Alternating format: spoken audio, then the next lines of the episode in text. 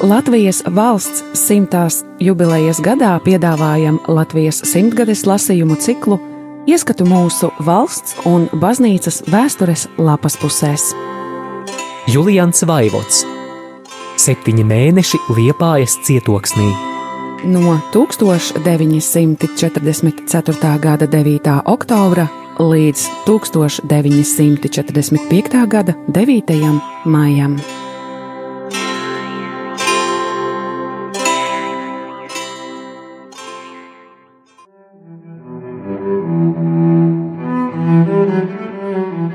1945. gada 16. februārī.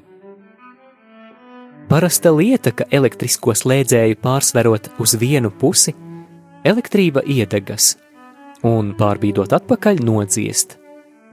Bet man grieztu lampai slēdzējs sabojājies savādā veidā. Svēreklim nokrītot vienā vai otrā virzienā, istabā tumšs bet jāatrod atspēres mirušo punktu un izdodas svērekli nostādīt pa vidu tā, ka viņš nenokrīt ne uz leju, ne uz augšu, tad lampa deg.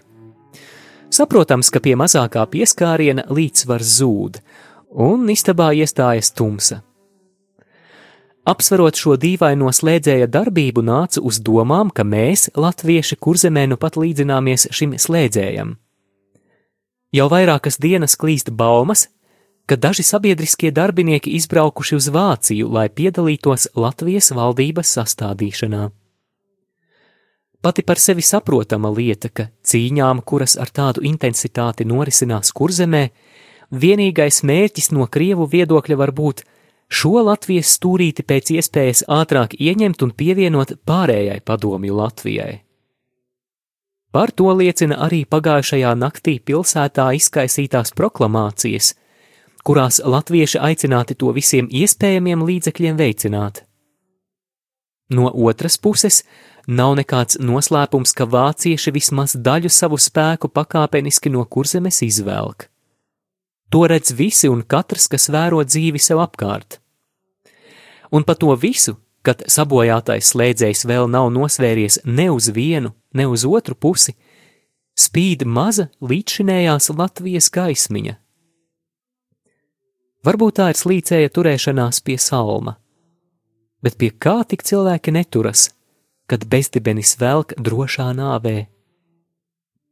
Cilvēki tik izmocīti ar visu pārdzīvoto, ka labprāt grib ticēt katrai baumai, kura kaut ko patīkamāku sola. Ko lai tāda latviešu valdība tagad iesāk, ja viņa arī nodibinātos Pat viselementārākais katras valdības pienākums, kā pilsoņu apgāde ar pārtiku, vairs nav iespējams. Tādas valdības stāvoklis būtu vēl grūtāks nekā saimnieka pēc ugunsgrēka, jo tam vēl kaimiņi var iedot vismaz sēklu, un rudenī viņš atkal ir uz kājām.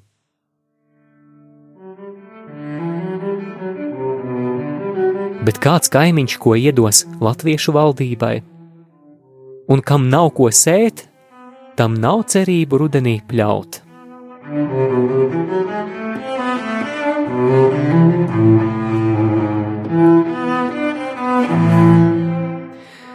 Bet, ja bojātais slēdzējs nokrīt uz vienu vai otru pusi, kas tad būs? Ar vāciešu svētību dibinātā valdība krieviem nevar būt pieņemama gadījumā, ja tie kurzemi ieņemtu. Vācieši izbraukdami no kurzemes atkal visu paņemtu līdzi, kā viņi jau tagad cītīgi visu pievāc. Piemēra dēļ tikai piezīmēju, ka ne tikai noņēma privātiem telefona aparātus un izņēma no zemes kabeļus, bet pirms dažām dienām pat vadu piestiprināmos āķus no sienām pie mājām izskrūvēja. No tā var spriest, kas paliktu latviešu valdības rīcībā, ja arī tā noturētos kurzemē bet vācieši no kurzemes izvāktos.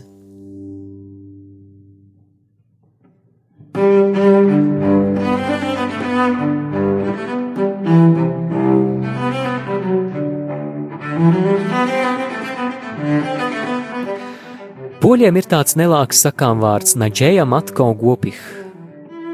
Cerība ir muļķu māte, bet praktiski viņi to nepielieto No tās polijas, par kādu tie sapņo, viņiem arī tik daudz nav palicis kā latviešiem no Latvijas.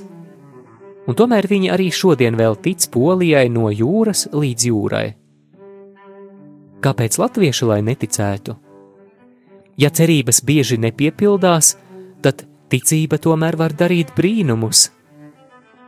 Ja jau ticība sinepes graudiņa lielumā var kalnus pārvietot, visu latviešu ticības, saliktas kopā, iztaisīs labu kaudzi tādu sinepes graudu un ticību kaudze spējīga arī neiespējamo panākt. Saprotams, ka ticības lielumam jāatbilst arī ticētāju piepūlei, ticētā panākšanai. Bet šī ziņā latvieši visos laikos ir bijuši savai mātei Latvijai malači bērni. Un kas tēvu un māti klausa un tos cieņā un godā tura, tas ilgi dzīvos un tam labi klāsies virs zemes.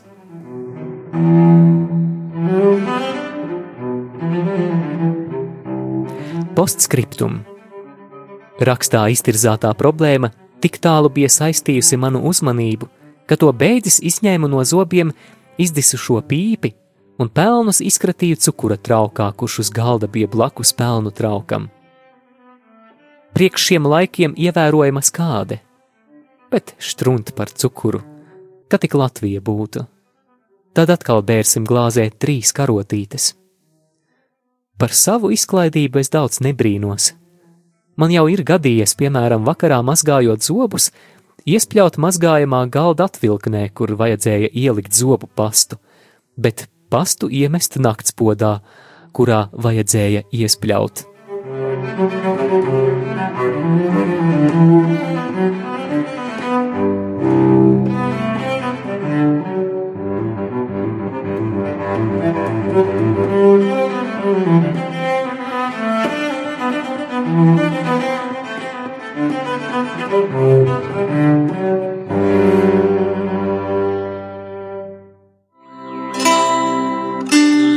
Radio Marija Latvija ēterā Latvijas simtgadēji veltīti lasījumi.